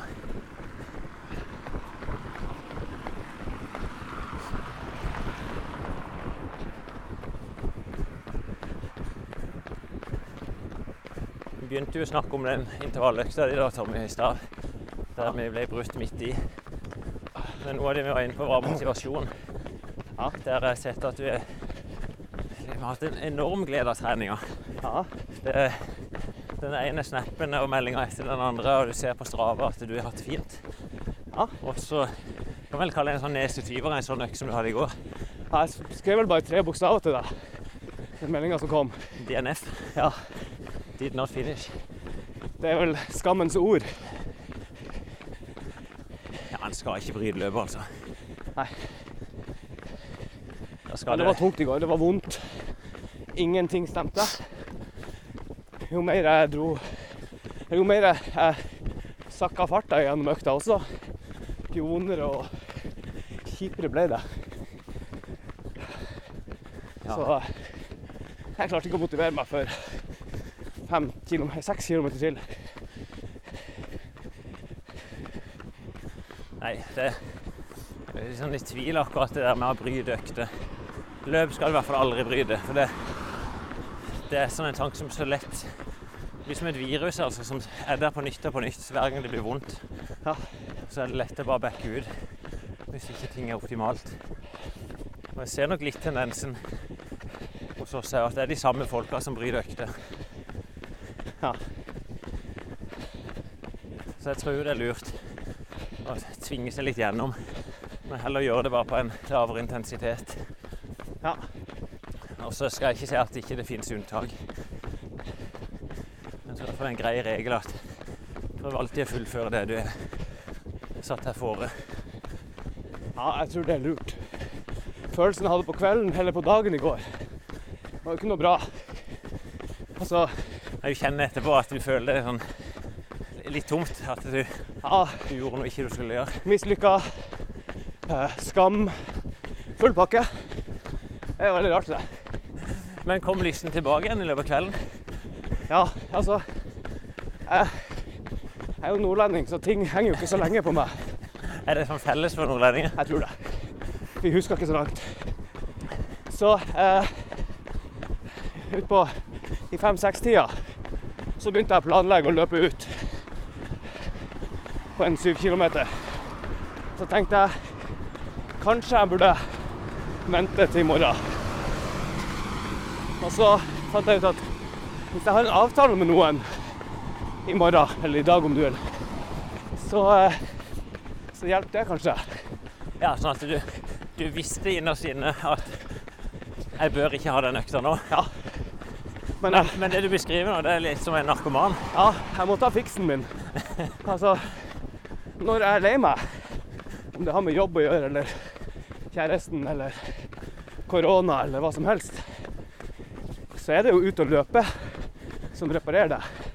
Eller i alle fall gi meg midlertidig plaster. Er den lille morfinen min. Så jeg, jeg visste at jeg måtte ut hvis jeg skulle bli glad. Ja, men du klarte å utsette meg og gjøre en avtale med meg i dag morges istedenfor. Og da Ja, fikk jeg også et, fikk også restitusjonen min òg. Jeg kjenner meg sjøl igjen. Du trenger egentlig bare noe å se fram til. For altså, jeg har jo Siden vi snakka sammen i går, og vi ble enige om å ta den løypa, så har jeg sittet en time og studert kartet. Altså, jeg har jo vært i det- løpet. Ja, er så bra. Men eh, jeg vil dykke litt mer inn i det. For når jeg ble kjent med deg for 20 år siden, Tommy, det var på en IT-bedrift. Og jeg tror vel jeg, jeg var sannsynligvis den eneste som drev med noe som kaltes løping. Ja. Og Det er nok det siste jeg ville forbundet i verden, er jo Tommy Rasmussen-løpene. For så vidt Morten Tryfoss òg. Men fra nesten sånn antiholdning til dette, der du bare vil riste på hodet av folk som holder på med det, til det du beskriver nå. At eh, Er det sånn at du vil innrømme at du er blitt avhengig? ja. Første steg er å innrømme det. Eh, men Ja, du, du føler Du vil si du er treningsnarkoman? Ja, jeg blir det nå. Andre steg er jo å ville gjøre noe med det. Og der er jeg ikke. Jeg har ikke lyst til å gjøre noe med at jeg er narkoman akkurat nå. Nei, du syns det er greit? Og foreløpig så har det veldig få negative innvirkninger på livet mitt. Ja, for det er jo det som er spørsmålet. Altså, som en narkoman avhengig av stoff, Ja. så, så vil det ha visse bivirkninger. Visse kostnader. Og, men for sin er det noen negative sider du ser med det? Det er jo tida du bruker som eh, de rundt deg skulle ønske at du bruker på dem. Ja. ja Det er vel den største prisen du betaler. Ja. Men uh, hvis du Men- ser tilbake på Men du bruker nå ca. ti timer i Si ti treningstimer da i uka. Ja. Og så bruker du kanskje fem timer på transport og og dusj Ja. Du bruker 15 timer. Jeg ha ett bilde?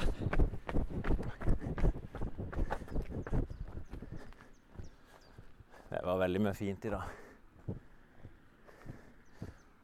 Vi er oppe på toppen av Gimlekollen, noe som heter Trekjønn. Det det er absolutt helt 100% stille. Ikke, ikke en bevegelse i noen ting. Vannet vi ser på, er det er helt flatt. Ah, det er så deilig. Nei, eh, det er jo tida det tar. Men hvis du tar og spoler tilbake fem år, så løper jeg kanskje ei mil i uka. Og så brukte jeg tre og en halv time på det. Ja. Så jo bedre jeg blir, jo mindre tid bruker jeg på trening, egentlig. Men hun hjemme, da, hva sier hun? Syns- Av og til så syns hun det er litt mye. Ja. Av og til syns hun det er drit at når vi skal på nå på en lørdags ettermiddag, at jeg har- sier at ja, det er fint det, vi kan være der seks, men da må jeg løpe ut hjemmefra kvart over fire. Ja. Jeg skal ha de ti kilometerne før vi skal på den festen. ja, det vil jo være sånn som det er bivirkning for de rundt. Ja. Men så er det kanskje ikke det store offeret, akkurat det. Men du var ute på en lang tur på tirsdag. Og den brukte jeg litt tid på å psyke opp også. At uh, jeg skulle på en tretimerstur. Og da kom jeg inn etter to timer og 35. Da var gleden stor. Oi. Der er det rett og slett tips å komme. Ja, sett forventningene. Ja. Ja, heller ta litt godt i og Ja. Jeg tror òg på det å Altså hvis en først velger å trene så mye som vi gjør, så må vi òg ofre litt på når vi trener. Så kan man mindre hjemme på at vi ikke driver på med sykkel. Ja. Det kunne vært verre, liksom. det.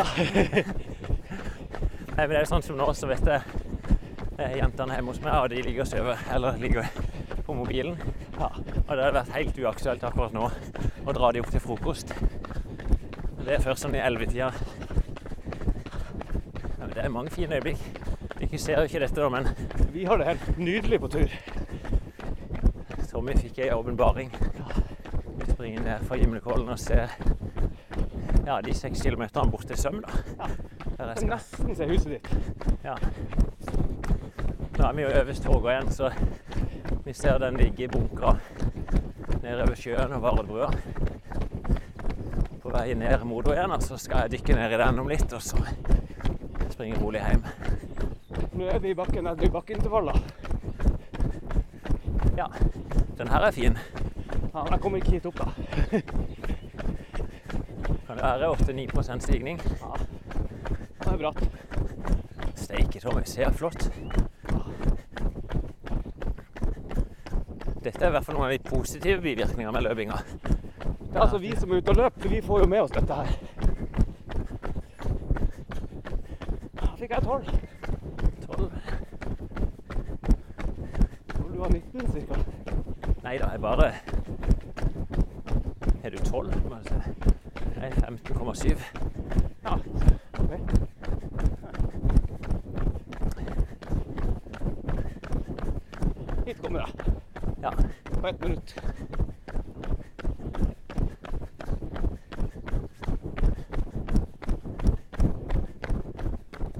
Ekstra rolig òg.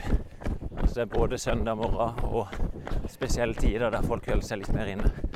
Men det blir nok, det blir nok en tur da for folk i dag. Ja. er vi rett på huset mitt. Det er hjørnet der. Andre etasje der.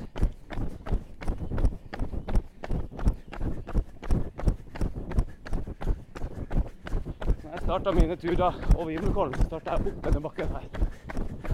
Ja, det er en brutal start.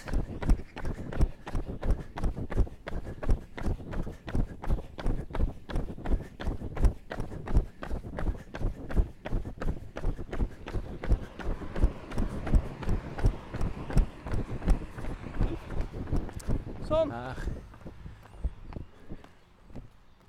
Sånn, Tommy. Det er bra. Deilig.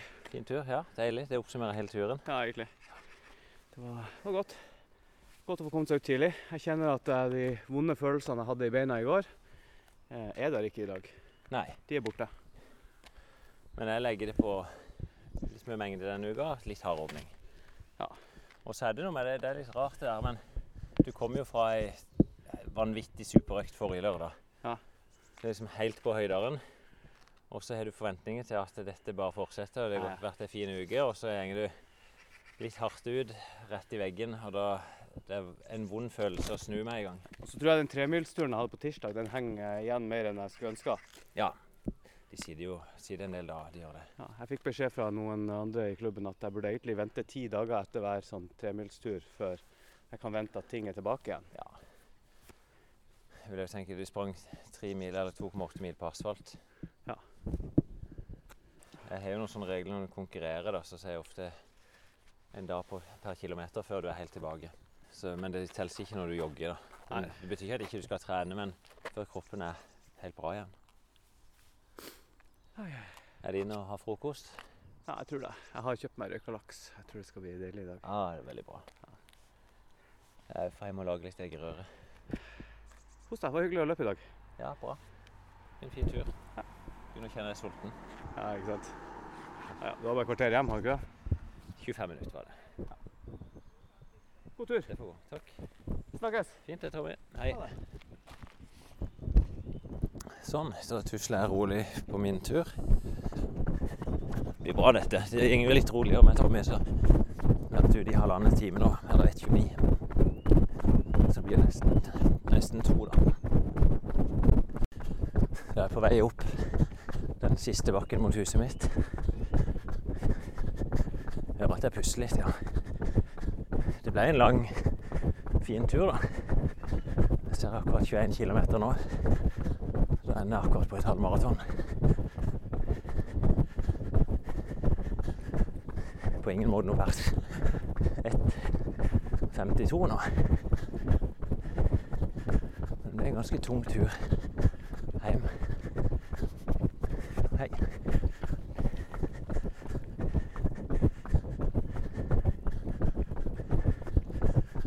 Siden jeg har sprunget så langt på én tur.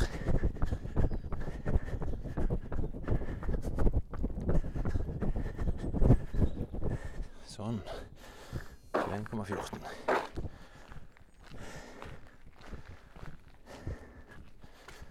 Ja, det ble litt tungt. Kjenner litt sånn i låra, leggene Ja, det er sånn hele kroppen. Av og til blir Jeg vet ikke om dere merker det, dere som springer litt sånn vond i skuldrene. Normalt pleier jeg å sitte litt på trappa utenfor. Nå var det et behov for, for å få i seg noe drikke. Jeg var jo effektiv på morgenen med å sette ting til, på vask. Men jeg fikk verken spist eller drukket noe. Så da får vi ta god favoritt. Jeg avslutter med det. Sjokomelk. Jeg tror det, hvis ikke blir det bare melk.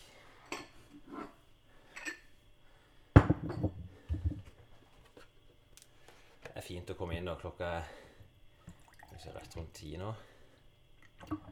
Fortsatt helt stille i huset. Jentene ligger og sover. Der var det litt sjokomelk. Det blir deilig nå. Bare sette seg ned med ja, dusje først, og så en kopp kaffe. Kanskje lese litt eller spille litt piano. Det blir starten på en fin dag. Men imponert over Tommy, altså. Nå som du ikke hører. Han han har gått både først via å finne løpe, løpegleden til å bli eh, uttalt eh, narkoman, altså treningsnarkoman. Eh, og som du ikke hørte òg, så var det en tilstand som han ønsker å være i. Så lykke til videre med det, Tommy, og lykke til dere som hører på, med god videre trening. Så skal jeg slappe godt av nå. Eh, jeg har jo fått noen tommel opp av deg eh, denne uka. Ja. ja det, eh, jeg føler meg litt sånn utsatt her. at Hvis du sitter og laster opp ei fil på Strava og sitter og venter på at jeg skal se henne Ja, den ene gangen så, jo, så sendte jeg deg jo melding om at nå kan du se hvor jeg har løpt. Ja, vet du, men du må bare gjøre det. For selv om jeg er ofte inne på Strava Det blir ofte sånn at når jeg legger opp ei fil sjøl, så, så klikker jeg gjennom og så liker og bare liksom får med meg overblikket. Men jeg følger jo mange. Så av og til ikke sant, kan tenke ma- mange av de jeg følger, trener to økter om dagen. Ja, Og så følger jeg kanskje Jeg aner ikke, men la oss si at jeg følger 200 stykk, da. ja. Så kan det ligge veldig mange treningsøkter. Og det er ikke sånn at Jeg vet, det kan godt være jeg kan sette deg som stjernemerker på noe vis. Det må jeg inn og se, da. Du må ikke inn så ofte, da, for å følge med på meg. Nei, men du kan være at du ligger som nummer 150 da, Ja, i antall økter nedover der. Men jeg ser, jeg ser jo at du har vært ute, og det er bra. Mm. Jeg har jo Nå er planen min som følger, og det er at jeg er ute mandag, onsdag og fredag. Ja. Eh, og det er å løpe, da. De andre dagene går jeg jo på tur. Men jeg da er jeg ute, og så har jeg til nå spurt deg hva skal jeg gjøre for noe i morgen, liksom. Så har du gitt meg tips, og så følger jeg det. Ja. Og så har jeg eh, ei venninne som jeg har trent mye styrke med opp igjennom. Hun har jeg fått med meg til å løpe, så vi har blitt sånn løpevenner, da. ja. Er ikke det fint? Eh, å så er ha, en, ha en partner og, og i hvert fall motivere seg til å komme ut med. Ja. Det er jo det at jeg merker at jeg kanskje hadde gitt meg litt før, hvis ikke vi hadde vært to. Og det samme sier hun. Så jeg hadde, jeg opp, Vi løp jo en dag det blåste veldig mye. Da opplevde jeg det samme som deg, at minnekortet plutselig ble fullt. Oh, ja. Så jeg er litt usikker på resultatet av første innslag, men så tok jeg opp da vi var på stadion også og løp. Så vi kan jo gå inn og høre. ja. Ja, løpetid. Da har jeg tatt eh, Finn sin anmodning på alvor. Det er en dårlig dag for opptak. Det blåser noe veldig i Kristiansand. Sånn at eh, det får bli litt sånn støy, sånn som det er når Finn, Finn lager støy fordi han løper så fort. Og jeg lager støy fordi vinden blåser og står helt stille. Eh, I dag skal jeg da løpe ti ganger to minutter, som Finn anbefalte meg. Og så skal jeg gå. Løpe to minutter, gå et minutt, snu. Løpe to minutter, gå et minutt. Jeg syns det høres veldig greit ut, men jeg har skjønt at det kommer til å bli ganske tøft. Så jeg skal begynne rolig. Og det beste med denne turen, det er at jeg ikke skal gjøre det alene.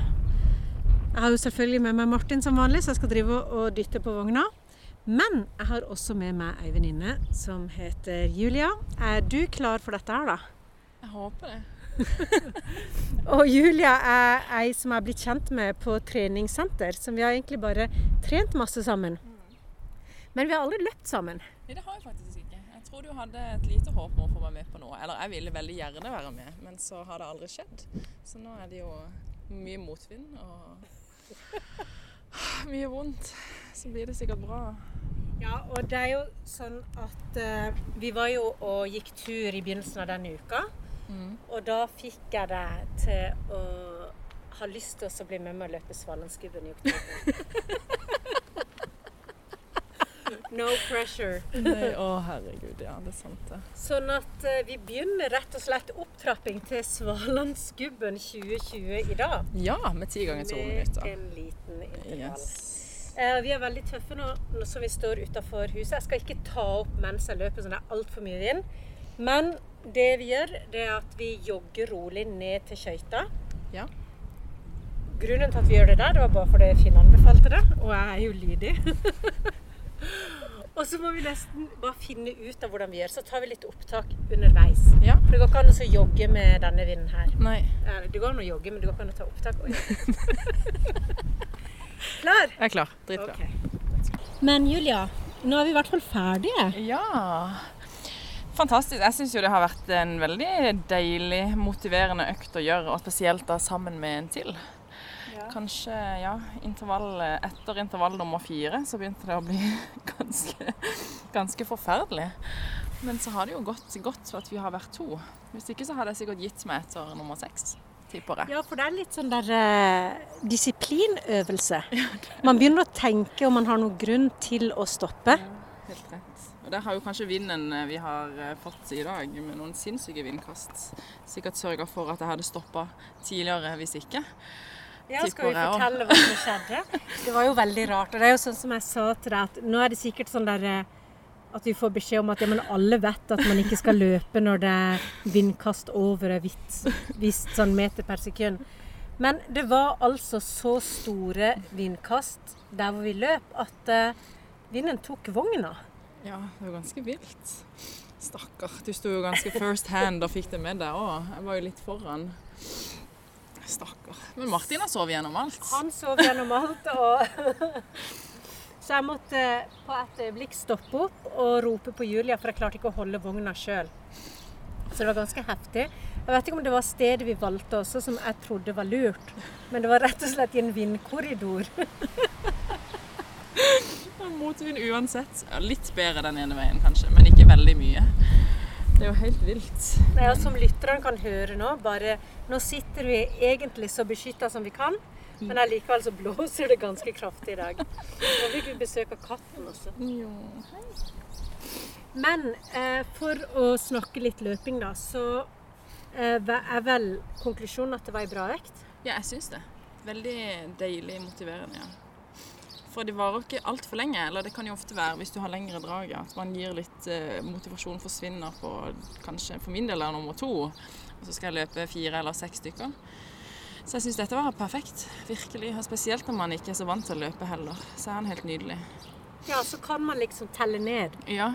For meg så er ti et sånn et bra tall, for da er det ikke Hvis jeg skal løpe 24 eller ja. noe sånn veldig, veldig mange, så blir det liksom så langt å telle ned. I så får være litt kortere. Ja, nei, så det var deilig, det. Så konklusjonen var at eh, på tross av sterk vind mm. og eh, ganske dårlig form, så var dette en positiv opplevelse. Virkelig. Er vi på vei til Svalandsgubben, da? Ja, vi er vel det. Ja. Mm. Julia? Hei, hei. Mandag kan vi si formiddag fortsatt. Vi kan jo det. Ja, ja, ja. Absolutt. Eh, for mange første dag i påskeferie. Det er det. Og på stadion i Kristiansand, hvor du da har begynt å kle av deg. Det var jo litt gøy. Jeg har eh, over eh, Jeg har rett og slett i- ja, ikke tenkt hvor varmt det kan være i sola, og hvor varmt det kan være å løpe. Så jeg har tatt en ullsinglet under en ganske tjukk løpegenser. Så nå ryker singleten. Faktisk. Det er jo sommervarme. Jeg står i T-skjorte. Jeg hadde med meg faktisk Jeg hadde også ull og løpejakke, men nå har jeg bestemt meg for å løpe i T-skjorte på stadion. Jeg kan se det er tre stykker som holder på med sånn friidrettshopping. Og så er det i hvert fall to, tre som løper på stadion. Så jeg fikk jo beskjed hjemmefra at dette var egentlig ikke innafor det vi skal nå. Nei, vi får jo håpe vi får holde god avstand. To meter. Satser på at banen er brei nok for oss alle.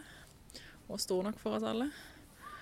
Eh, hva er det vi skal for noe i dag? Vi løp jo intervall sist gang. To minutter sist gang. Ja. Hva er dagens økt? I dag er det sammenhengende løping. Ti runder rundt banen. Fire kilometer totalt, uten pause. Ja. Yes.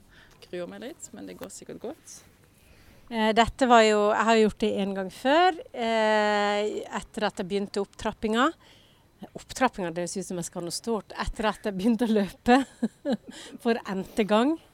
Det er tungt, men det er gjennomførbart. Men som Finn sier, du kan aldri begynne rolig nok. OK, deilig. Første runde som oppvarming. To første runder kanskje som litt oppvarming. Du oppvarmer så lenge du trenger å oppvarme, tror jeg. Ja, Men vi, vi løper ikke noe mer enn de ti rundene. Nei. Så Og så er det egentlig bare sånn som jeg gjør. Nå løper jeg med vogn også, Ja. og det blir litt tungt. Når du løper, så skal du tenke kan jeg klare å gjøre dette i ti runder? Og så skal svaret være ja. Du skal ikke være i tvil. OK. Ja, deilig. Men da er det sikkert ja, litt lavere enn jeg hadde tenkt. Ja. Ja. Jeg er klar. Kjempeklar. Så da kan vi jo snakkes etter. Jeg er jo ikke noe ikke, Jeg skal ikke si at jeg ikke er fan. Jeg er ikke kapabel til å ta opptak mens jeg løper. Men eh, vi kan jo snakkes litt når vi er ferdige og ta en evaluering på, på denne runda. Det som er greia da, når jeg løper med baby, det er jo at det er jo han som bestemmer. Så hvis han våkner Han har vært litt i ulage i dag. Sånn at hvis han våkner, så er det ikke sikkert jeg klarer de ti rundene. Men da må du bare kjøre på. OK? Ja, den er god. OK. ok. Sånn, Julia. Da var vi Det høres ikke ut som vi har løpt. Nei, nei det var Det var overraskende greit. Ja. Stiv og vond i leggene er det eneste som er, som er noe å ta på. Svett i panna og vond i leggene. Ja, jeg ikke Jeg fikk jo ikke løpt ti runder fordi Martin begynte å grine. Og jeg syns det er så vondt å bare liksom kjøre mitt løp, da. Og høre på at han egentlig ikke er så fornøyd. Så jeg måtte stoppe etter åtte runder, og du stoppa etter ni. Etter ni, ja. Yes. Men, eh, men det er også trening. Helt rett. Sånn at eh, Nå ble det sånn i dag, og så får vi ta en ny treningsøkt på onsdag. Ja. Fortsatt intervaller. Ja, på onsdag så blir det intervall. Ja. Tenker jeg. Deilig. Og så- men dette var forholdsvis Vi holdt et greit og rolig tempo. Og løp eh, Jeg tror det var ganske jevn fart. Du økte på litt etter hvert. Sånn at du Ja. Ja. eh, Du lå ca. en halv runde foran meg. ja. Nå har jo du den her, da har jo du Martin og vogna ja. med på turen. Så jeg får jo bare ta det som bonustrening. Ja. Men eh, takk for eh, god trening i dag, da. I like måte. Virkelig. Det er i hvert fall godt å se at du er i gang igjen nå, Anna. Ja, det Det er jo litt skummelt å være i gang igjen. Ja, Hvordan tenker du på For det, det er liksom sånn, det er sånn evighetsperspektiv på det. Sånn at uh, det å si at du nå er i gang med løping, betyr jo at eh, jeg føler meg litt forplikta. mm. Er det ovenfor deg sjøl, eller føler du for meg, eller for Nei, det er jo for meg sjøl. Og så er det jo fordi jeg får kommentarer. ikke sant? Jeg legger ut eh, løpetid, podkast, og så tror jo folk at jeg løper kjempemye. Ja. At jeg har fått liksom Fordi de er kanskje ikke inne og hører på podkasten og sier ja, for jeg ser jo at du løper jo kjempemasse.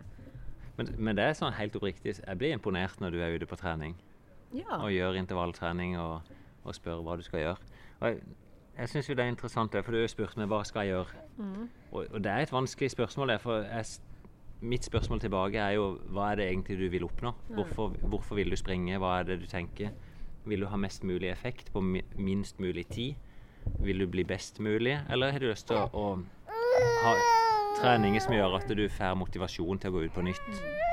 Og, og da sa jo i hvert fall du i forgårs som vi snakka, at jo, det var jo egentlig det siste.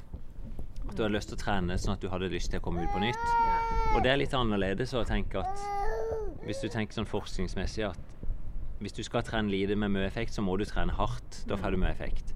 Men sannsynligheten for at du vil fortsette med det og synes det er gøy, den er jo minimal. Ja.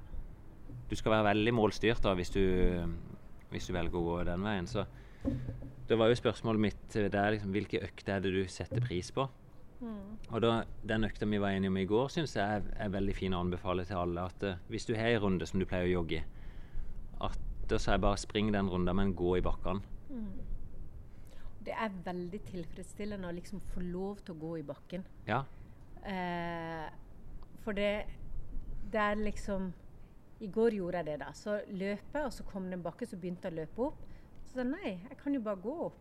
Og da ble jo alt så sinnssykt mye lettere. Ja.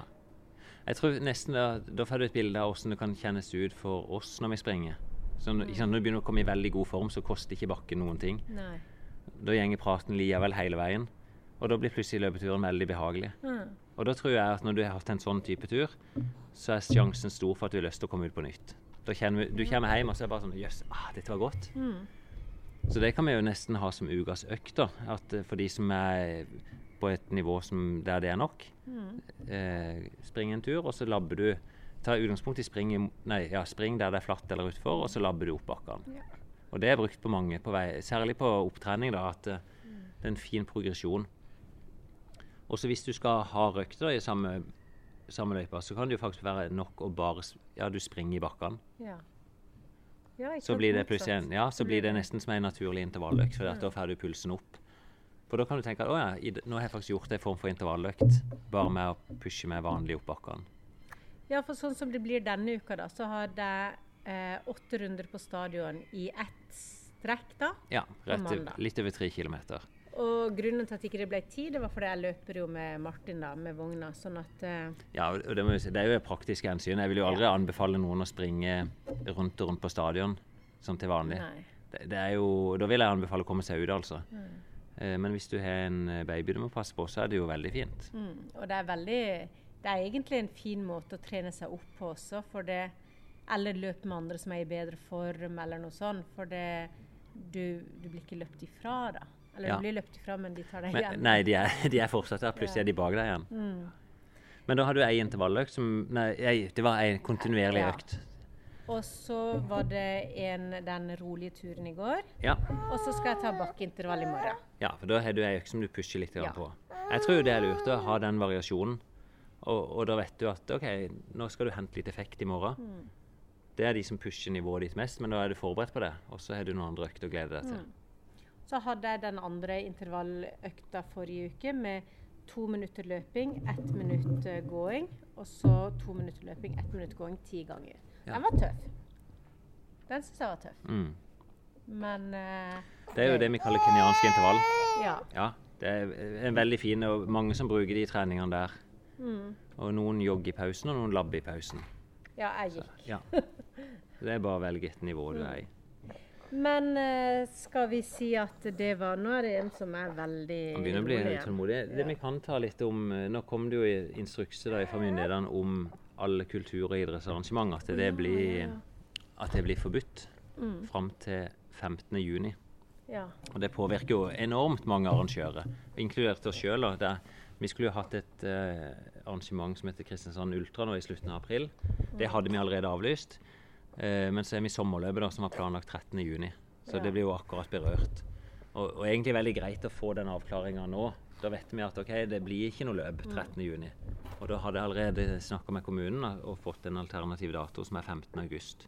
Så da gikk vi ut i går og fortalte på Facebook og Instagram at vi har fått en ny dato. Eh, og sånn sett er jeg overraska sjøl over og positiv respons da, som folk gir på det. At folk 'Å, nå fikk vi mer tid til trening', eller 'nå, nå gleder vi oss'. Eh, og så er det det dilemmaet om Vi vet jo ikke om vi faktisk kan arrangere 15.8. Vi vet ikke hvordan de tiltakene vil bli videre. Eh, vi vet jo bare prognose på at de snakker om smittetopp og, og maksbelastning i, i slutten av mai, kanskje i begynnelsen av juni. Men jeg vet ikke hvordan folk vil reagere hvis, om en kan samle så mange folk i begynnelsen av august. tør, kanskje. Eller om vi finner Vi driver jo og tenker liksom Fins det noen nye muligheter for å samles til løp uten å utsette for den samme smitterisikoen, da? Jeg ser liksom ikke for meg at vi kan springe rundt med munnbind. Så Ja, du har jo løpt rundt med det meste. Jeg sprang i sommerløp med snorkel og dykkermaske, faktisk. Eh, og, og drakt, altså våtdrakt. Eh, det var ing på ingen måte noe behagelig opplevelse. eh, jeg vet at Joakim og de sprang jo med ei sånn hestemaske Ja, det husker jeg. jeg. Og da fikk de jo trøbbel, for det at den tar ikke inn så mye luft. De følte bare at de pusta inn eh, og ut den samme lufta. Så nei, jeg håper vi slipper å springe med munnbind, altså. Så, Mm. men eh, om det kan være det å spre det ut på flere starter som er med færre og færre folk, da, Mm. som du slipper ut. Men du skal jo håndtere publikum på en eller annen måte. Ja, for det, man Så- står jo veldig tett. Ja. Nei, vi får se. Det er lenge til 15. august, så vi får håpe at dette glir gradvis over. Men vi har god tid til å trene, da. Veldig god tid. Og da er vi i hvert fall inne på dette at det, det er tross alt veien som er målet. Jeg håper i hvert fall på det for folk. For hvis kun eh, prestasjon er målet, så er det et tung tid akkurat nå. Ja. Eh, da gjelder det å klare å sette pris på hver enkelt trening. Og det prøver jeg å være bevisst på sjøl. At en skal kose seg litt. Kose seg litt ekstra med hver enkelt trening. Det kan være en fin avslutning.